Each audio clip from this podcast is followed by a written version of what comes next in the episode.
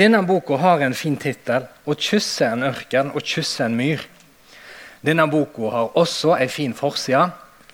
Likevel tror jeg at ni av ti av dere glatt går forbi denne boka. Mm. Det er en sånn bok man går forbi. Jeg, kan, jeg går sjøl forbi den. Jeg skylder ikke på dere. Jeg er en av dere. Den, den der tiende personen sitter sikkert der òg, men eh, han sitter sikkert på det bordet. Bent Inge går sikkert ikke forbi, men de fleste av oss går forbi. Eh, og derfor må den formidles. Det er jo sånn bibliotekklisjé. Det er en bok som trenger å formidles. Det har vi hørt. Og det som jeg synes det med den boka her, er grunnen til at eh, den er verdt å vite om, er rett og slett det er 13 fribyforfattere. Hva er det? Det er flyktninger som har kommet til Norge pga. at de eh, ikke kan bruke ytringsfriheten sin. De har måttet flykte fra Irak, Iran, Syria, eh, Aserbajdsjan, forskjellige land. Eh, Pga. Bangladesh, for de blir trua på livet. Eh, problemet når de kommer til Norge, er at eh, de kan ikke så godt norsk. De blir jo ikke forfattere på norsk. da. Eh, og da blir det jo utenfor. Så nå har endelig noen, og da er det Johanne Font Nygren, eh, til hun som har tatt på seg denne redaktørgreia. Og mange oversettere har gått sammen for å lage denne antologien. Eh, en annen klisjé som er ganske vakker, er når man skriver, så må det stå noe på spill. Har dere hørt det? Jeg ser etter en sånn som går på student på Barnebokinstituttet. Hvor er du? Hvor er hun? Det må brenne. Å, går du der det brenner når du skriver? Ja, det er bra. Du nikker iallfall. Du blir litt rød, men det er enda bedre. Eh, og her står det noe på spill. Her er det faktisk beyond noe på spill. Dette er flyktninger. sant? Dette er folk som har opplevd helt ville ting. Dette er traumatiske ting. Dette er sår som aldri kommer til å gå over. Og derfor må neste gang dere går, for, går forbi denne boka, så kan du stoppe opp og lese litt i denne boka. Eh, jeg skal bare lese ett lite dikt til dere. En far elsker alltid barn. Med egne øyne så jeg mannens avkappede hode. Jeg så barn spille fotball med det. De skjøt mål etter mål. Skjegget hans var hvitt med litt grått i tuppene. Med egne øyne så jeg hodet smile. Han var nå en gang en far og likte å se barn lykkelige. En far elsker alltid barn. Det diktet var skrevet av Ali Haider fra Irak. En av de 13. Og når det er en av de første tekstene, så Jeg vet ikke, jeg har aldri lest et dikt om noen som spiller fotball med et menneskehode før. jeg. Nå har jeg gjort det. Det blir bra, jo. Eh, neste bok Jeg er ikke så god i fransk, så jeg får bare prøve. Heter, han heter Guy de eller noe sånt. Boka heter 'Gissel'. Eh, og dette er jo ei tilsynelatende grå bok. Den er også en bok sikkert mange går forbi. Og jeg, og jeg vet ikke hvorfor jeg plukka den med meg, hvorfor jeg ble interessert i den. For den er på mange måter grå, monotom. Eh, det er naturen til denne boka. Den handler om Christophe André, som på oppdrag for Leger uten grenser ble kidnappa i Nasran i Kaukasus 2.7.1997. Det er sånn begynner boka. Han ligger i senga si, og så bare kommer det en vill bande med folk og bare tar han med. Og Han, eh, han er Kristoffer André. Jeg får følelsen av at han er en sånn veldig ordentlig person. Det han tenker aller mest på, er at eh, han tror de skal stjele pengene, og han tenker på at han har faktisk med seg nøkkelen til safen, og han lurer på hvordan det skal gå med organisasjonen osv. Men plutselig så er han jo helt trapped. Han er, blir tatt inn i Tsjetsjenia, en tsjetsjensk landsby. Da skjønner han. Eh, han skjønner ikke så veldig mye mer. Han skjønner at han får armen eh, i sånn eh, Hva heter det eh, Håndjern som er på, til en radiator på veggen. Da er den faste stillingen hans. Der ligger han hele dagen. Han blir løsna av og til for å få litt eh, mat og for å gå på do en gang på døgnet.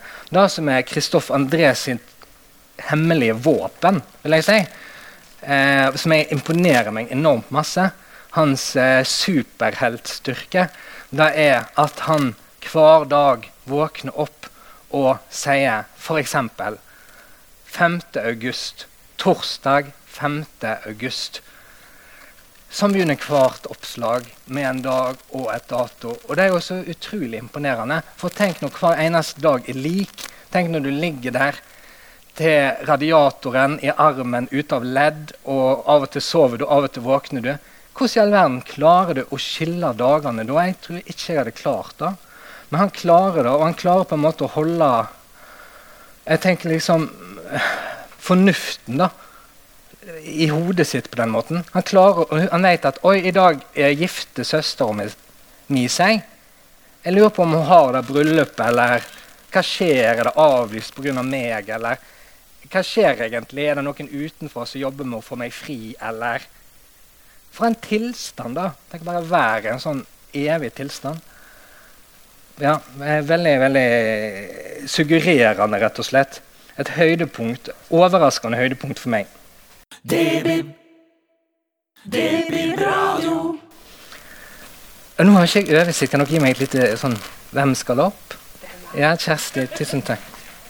Må jo få en sånn uh, introduksjon, ellers er det ikke verdt å komme opp. uh, huskeøvelse for viderekomne er det en uh, lykkelig vinner som sitter med her i dag, skjønte jeg. det var du, sant? Jeg vil si at du har et av de beste loddene i dag. Rett og slett. Godt nummer, godt nummer. Aldona Kastan er norsk-polsk. Hun kom til Norge da hun var 17 år. Eh, Dette er hennes første bok, men det skal man ikke tro. Eh, og det gjenspeiles også i at hun har tidligere bl.a. oversatt nobelprisvinner Olga Tokarczuk til norsk. Uh, hun tar utgangspunkt i en østeuropeisk tradisjon som skiller seg litt fra det her voldsomme relasjonsfokuset som vi ofte ser i, i, norsk litteratur. Så hun tar utgangspunkt i sin egen hjemby, som er Łódź i Polen. Uh, Polens tredje største by. En by som er ganske sånn prega av industri, har jeg skjønt. Og hun beskriver den med både hat og kjærlighet, vil jeg si. Eh, Łódź var en by der ca. en tredjedel av befolkninga før andre verdenskrig var jødisk. Det var en veldig levende eh, by med mye handel og mye sånn torgvirksomhet. Forskjellige språk, forskjellige folk. Eh, denne tredjedelen ble omtrent alle sammen ble utrydda eh, under krigen. Så byen endra seg veldig fra før, første, før andre verdenskrig eh, til etter andre verdenskrig. Um, og det snakker hun også om i boka, og hvordan de ble på en måte en mester i å fortrenge sin egen historie, og hva som faktisk hadde skjedd, og hvordan byen hadde vært tidligere. Det er to hovedpersoner i boka, to parallelle historier. Den ene er da ei jente som heter Alina, som vokser opp på 80-tallet under jernteppet. Uh, og hun finner en dag i oldemora si leilighet så finner hun en sånn portrettegning av en mann som heter Brunoen. står det under. Og Så spør hun oldemora vet du hvem det her er. Kjenner du denne mannen. Uh, og det gjør ikke oldemora, for det her var noe som lå igjen når hun flytta inn i denne bygården etter krigen. Uh, og Brunoen er da den andre historien i boka. Uh, hans historie er 1939. Uh, han er jødisk, og han må flytte inn i den nyoppretta jødegettoen i Łódź. Eh, begge de her to figurene lever på helt forskjellig tid, men de har jo vært i den samme leiligheten, de har gått i de samme gatene, de har tatt på de samme dørhåndtakene og stort sett vært på de samme plassene. Eh, og denne boka her viser at tid kan være litt flytende. Begge to kan på en måte fornemme nærværet av den andre til tross for at de lever i uh, ulike tider. Uh, og jeg synes det er en sånn fin måte å vise at kanskje vi alle sammen setter litt grønne spor etter oss her i verden. Uh, Aldona fikk Aschehoug sin debutantpris for denne boka. Uh, og Det er veldig velfortjent, synes jeg. Det er en veldig sånn godt gjennomarbeida og språklig sikker bok, så jeg er veldig spent på å se hva som kommer fra henne i neste runde.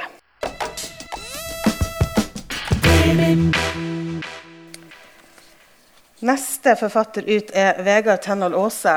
Uh, han er en norsk journalist. Han er utdanna i USA. Dette er en sakprosabok. Han har bl.a. skrevet for DN og New York Times. Og han har altså brukt seks år av livet sitt på å uh, intervjue diverse nasjonalistiske grupper i USA. 'Alt du elsker, skal brenne', som jeg synes er en veldig fin tittel, og som fenger meg med en gang. Og når jeg da skjønte at det handla om her eh, hvite nasjonalismen, så kjente jeg at dette var ganske spennende. Han har fulgt KKK, Hammerskin Nation, NSM, diverse folk. Han har vært med dem på valgvake når Trump vant. Eh, det var da denne tittelen kom. Da fikk han en SMS når han våkna dagen etter om at Uh, LOL, Trump vant. Alt du elsker, skal brenne. Eller et sånt, og en smiley fra en av de her mennene. Men han har vært med på det, han har vært med på seremonier, årsmøter, diverse protester, sånn som den i Charlottesville. Der var han til stede. Han har vært i slåsskamper, han har fått mursteiner kasta etter seg, og han har hatt en sånn klansmedlem som har holdt en pistol mot hodet hans på en åker ute i USA. Så han har virkelig gått inn for dette. Og han har vært helt ærlig hele veien på sitt uh, ståsted. som da gjorde at han ble kalt for den norske kommunisten. Eh, når han føyk rundt med de her. Eh, han forklarer veldig godt i boka hvorfor ytre høyre nå driver og vinner terreng, både i USA og for så vidt andre steder, sånn som i Europa også. Uh, han går inn på dette med Trump og at han ble valgt, og hvordan han på en måte har blitt litt sånn disse gruppene sin president, selv om han i utgangspunktet kanskje ikke var det. Og så snakker han en del om denne nye alt-right bevegelsen som han sjøl sier at er litt som å sminke grisen, for det er det samme tankegodset. fordi at selv om Richard Spencer har en eh, dress og uh, ikke er helt idiot, så er det han likevel litt idiot. Uh, han blir godt kjent med de han snakker med, og han viser veldig mye sånne altså, ting som virker veldig rart for meg, da, i hvert fall, med at, at de, de starter f.eks. sånne White Pride-grupper når de studerer. Og så er de liksom helt sånn at ja, men det må være lov, fordi at det finnes jo Black Pride. Og hvis ikke vi får lov å ha vår egen uh, White Pride, så er det rasistisk mot oss. Eh, så han, han, viser veldig godt hva de på en måte tenker. Så kan man jo selvfølgelig si hva man vil om det. Men han viser også at det er marginale grupper. De er ikke så store som de gjerne vil virke som. De skryter veldig av hvor mange som skal komme på årsmøtet. Og så kommer det liksom ti stykker. og så sier sånn Vi vet ikke helt hvor de andre ble av. De må ha blitt forhindra helt på slutten. Eh, han bor som sagt i USA, og denne boka ble først utgitt i USA på engelsk. Eh, og fikk så vidt jeg har skjønt, eh, ganske mye oppmerksomhet og gode skussmål derifra. Så det er veldig spennende å lese om eh, folk som i hvert fall er ganske ulike meg, da, kan jeg jo si. Så fin, eh, fin bok. Skal vi hoppe over på neste? eh, det er jo typisk norsk å være god. ikke sant? Det er det vi liker å snakke om. Vi liker å ta på oss de her små plastvikinghjelmene når vi skal på fotballkamp. Og vi liker å se på at langrennsløperne tar masse medaljer. Og vi blir faktisk litt sur når SAS prøver å si at det ikke er noe som er skandinavisk. Eh, men denne nasjonalismen som vi ofte kjenner på, som er veldig sånn naturlig i Norge, og som mange reagerer på når de for er i Norge på 17. mai for første gang, at oi, jøss, er det her lov? Eh, det er ikke like naturlig i alle land, og det er spesielt ikke like naturlig i Tyskland. Etter andre verdenskrig der så er det litt sånn flaut å si at Tyskland er bra, og det er vi stolt av.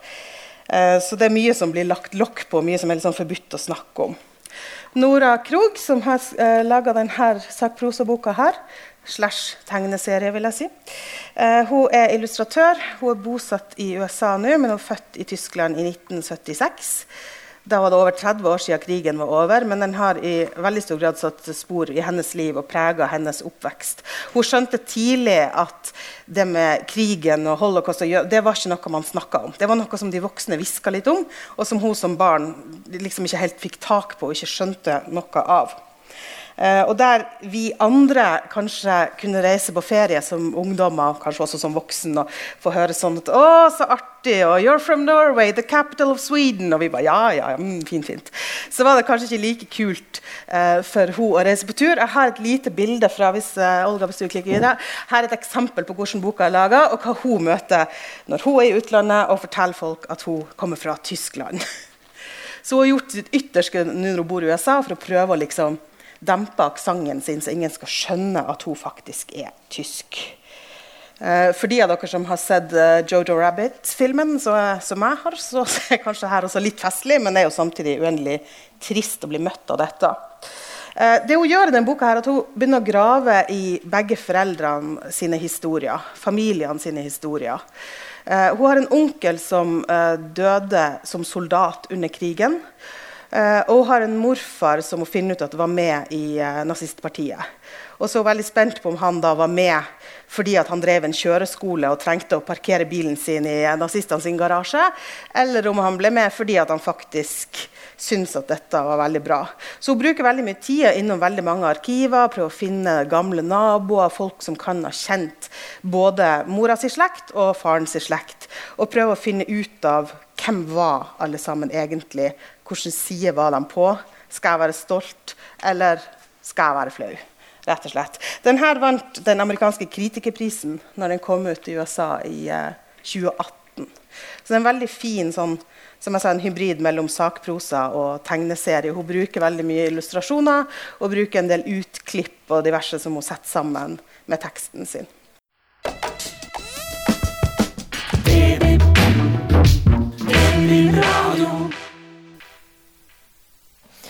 Uh, ja, men De to neste bøkene jeg skal snakke om, er tar oss med ut i verden, begge to. Og det er uh, selvbiografisk materiale som er grunnlaget for dem. Den første uh, som vi ser her, er Ahmed Altan. 'Jeg får aldri se verden igjen'. Den plukka jeg opp før jeg fikk spørsmål om å være med på dette her.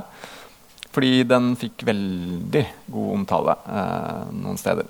Jeg tenkte at Den hørtes veldig spennende ut. og etter at jeg leste den, så ble jeg litt sånn slått i bakken. For det er, her, eh, det er en historie eh, om en uh, Han er tyrkisk journalist og forfatter. Eh, jeg tror det er gitt ut fem bøker som er oversatt på norsk også av han. I 2016 så var det et kuppforsøk i Tyrkia.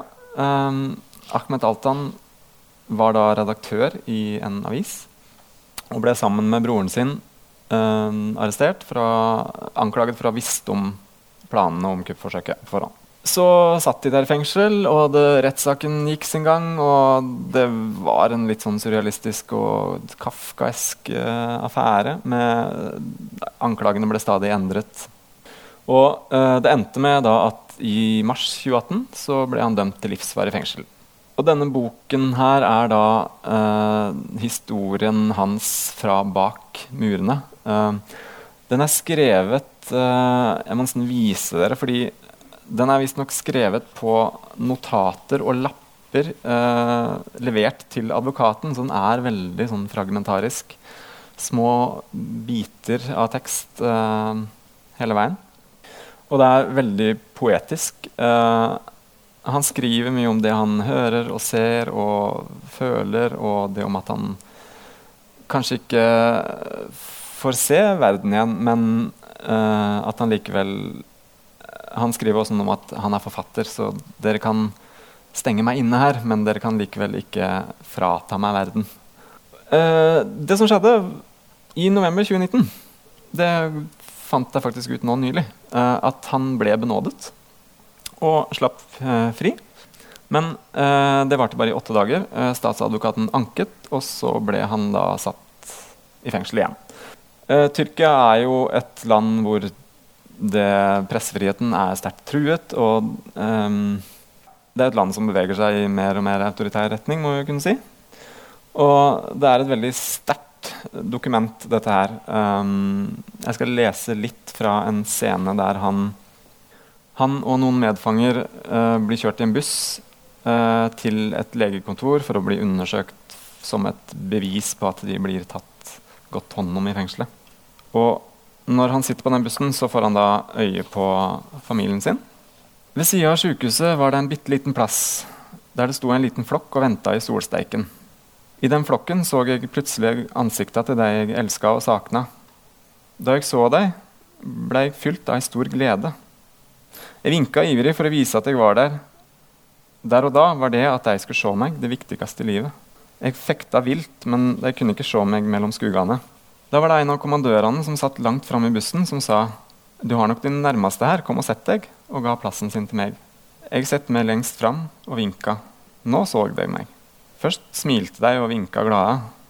Så så jeg at dattera mi ble gripet av en bølgende rørsle som steig fra knærne og opp, før tårene spruta fra auga hennes. Hun prøvde å holde seg, men klarte det ikke. Hele kroppen riste. Sønnen min trykte henne inntil brystet. Jeg så på deg, og i samme øyeblikk visste jeg at såra som åpna seg i meg nå, aldri ville gro. En uh, trist, men ja, fin og viktig bok, tenker jeg. Drammensbiblioteket gir deg. Uh, neste bok er da uh, også om en som har blitt fratatt sin frihet på en litt annen måte. Pedro Carmona Alvarez.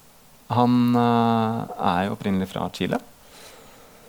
han er musiker, han er poet, og forfatter og har oversatt mye søramerikansk litteratur. Og i 2012 fikk han P2-lytterens romanpris for en bok som jeg personlig det er en av mine favoritter, men jeg husker aldri hva den heter. Uh, solen Nei, været skiftet, og det ble sol, osv. Takk. Um, I 1973 så var det et militærkupp i Chile. Augusto Pinochet tok makten, og det var diktatur der fram til 1990. Uh, denne boka er jo også aktuell pga. situasjonen i Chile i dag. Det har vært mye demonstrasjoner der, uh, uh, i hvert fall nå i høst.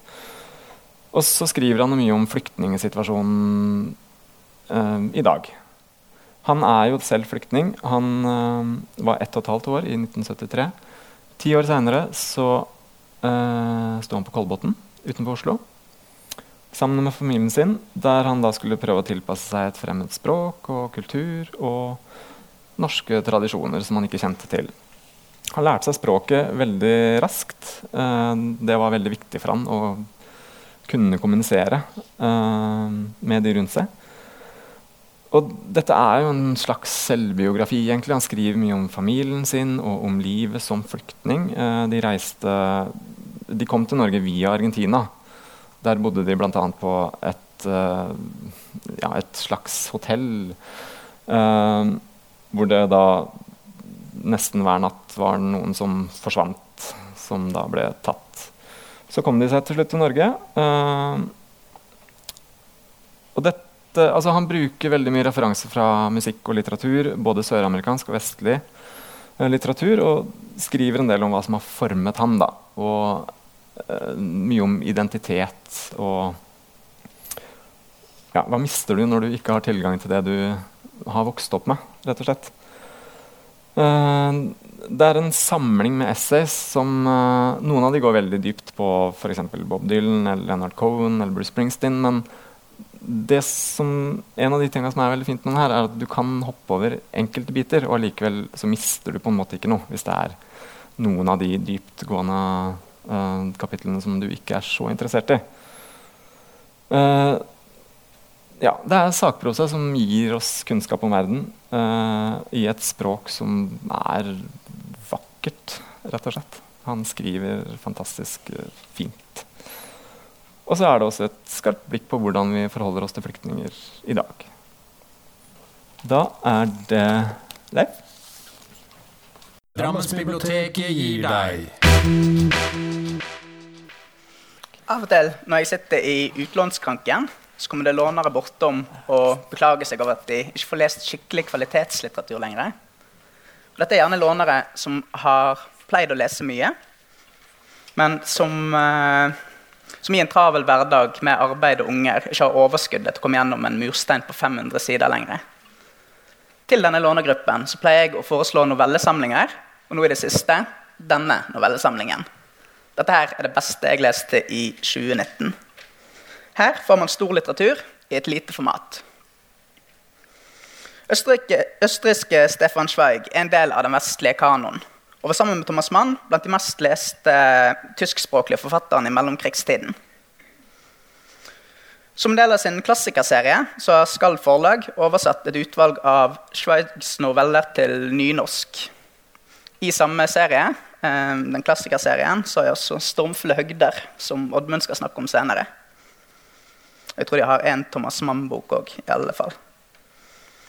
Eh, selve oversettelsen er det den litterære allrounderen Øystein Widnes som har stått for. Med unntak av tittelnovellen, som er nyoversatt, så er det første gang novellene foreligger på norsk.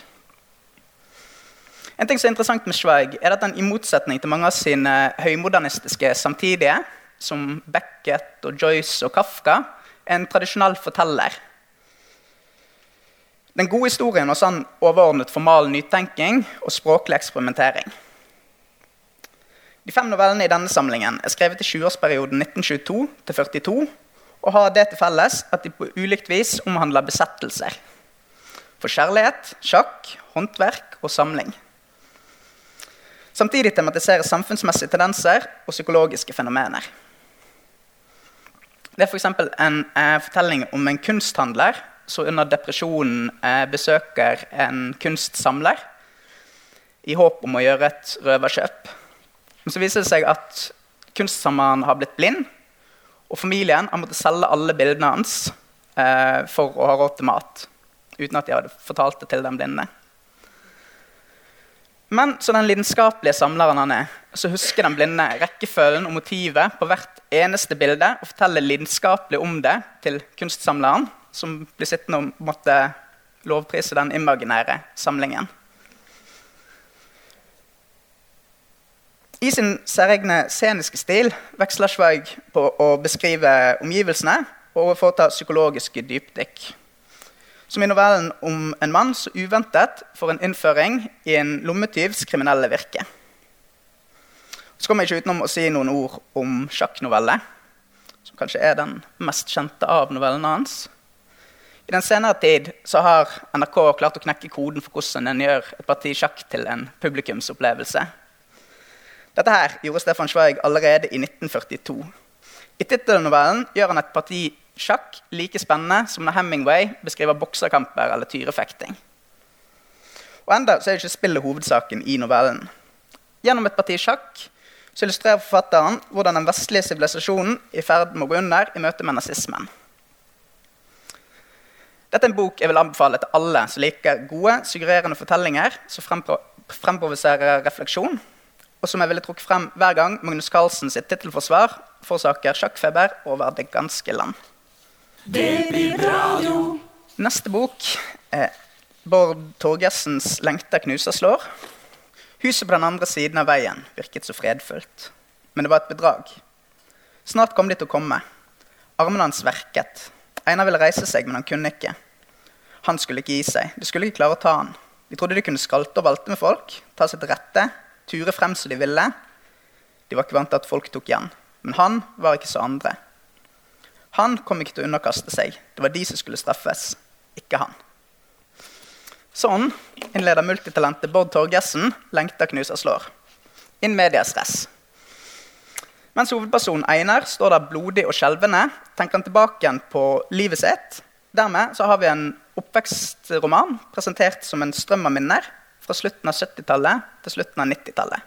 Gjennom romanen vender vi stadig tilbake til denne nåtidige situasjonen, eh, som ikke får sin løsning før i løpet av de siste sidene i boken. Einar kommer fra et hjem hvor ingen bryr seg om hva han foretar seg. Fra han var barn, så har han reket rundt i drabantbyen med øks, ruset seg og gjort innbrudd. Den eneste som virkelig står Einar nær, er bestevenn Daniel. Men heller ikke denne relasjonen er uten problemer. For Einar utvikler en slags avhengighet til kompisen som lett kan utnyttes. Vennskapet og dynamikken mellom Einar og Daniel er et av romanens omdreiningspunkt. Det tennes et lite flatterende bilde av politiets virksomhet og metoder. Og for Einar blir de representanter for et maktapparat som prøver å holde han nede. Heller enn å akseptere en posisjon som maktesløst offer, søker han å gripe makten. Full av sinne og destruksjonslyst hiver han seg inn i gatekamper mot opprørspolitiet. Han blir en del av et outsider-miljø som driver med narkotikasalg og husokkupasjon. Men selv om han på et vis er en del av denne motkulturen, så er han så mistroisk at han ikke klarer å danne nære relasjoner med noen andre enn denne Daniel. Som et premiss i fortellingen eh, så ligger det eh, en dramatisk ironi hvor leseren gjennomskuer den kyniske nihilismen hos hovedpersonen som en forsvarsmekanisme. Når han ikke klarer å passe inn i normalsamfunnet, så søker han seg gradvis mot det totale utenforskap og blir en outsider i et outsidermiljø. Han får imidlertid erfare at det er vanskelig, nesten umulig, å holde på uavhengigheten og integriteten sin med denne livsstilen. 'Lengta knuser slår' er en røff, autentisk og upolert roman som jeg tenker en kan prøve å formidle til unge voksne Frustrasjonen og opprørstangen vil være gjenkjennelig for mange. I den åpner boken blir en kastet rett inn i handlingen. og Torgersen evner å holde på denne spenningen gjennom boken. I tillegg er den relativt kort. Det er en flis av en bok. Dermed virker den ikke så avskrekkende å begi seg ut på.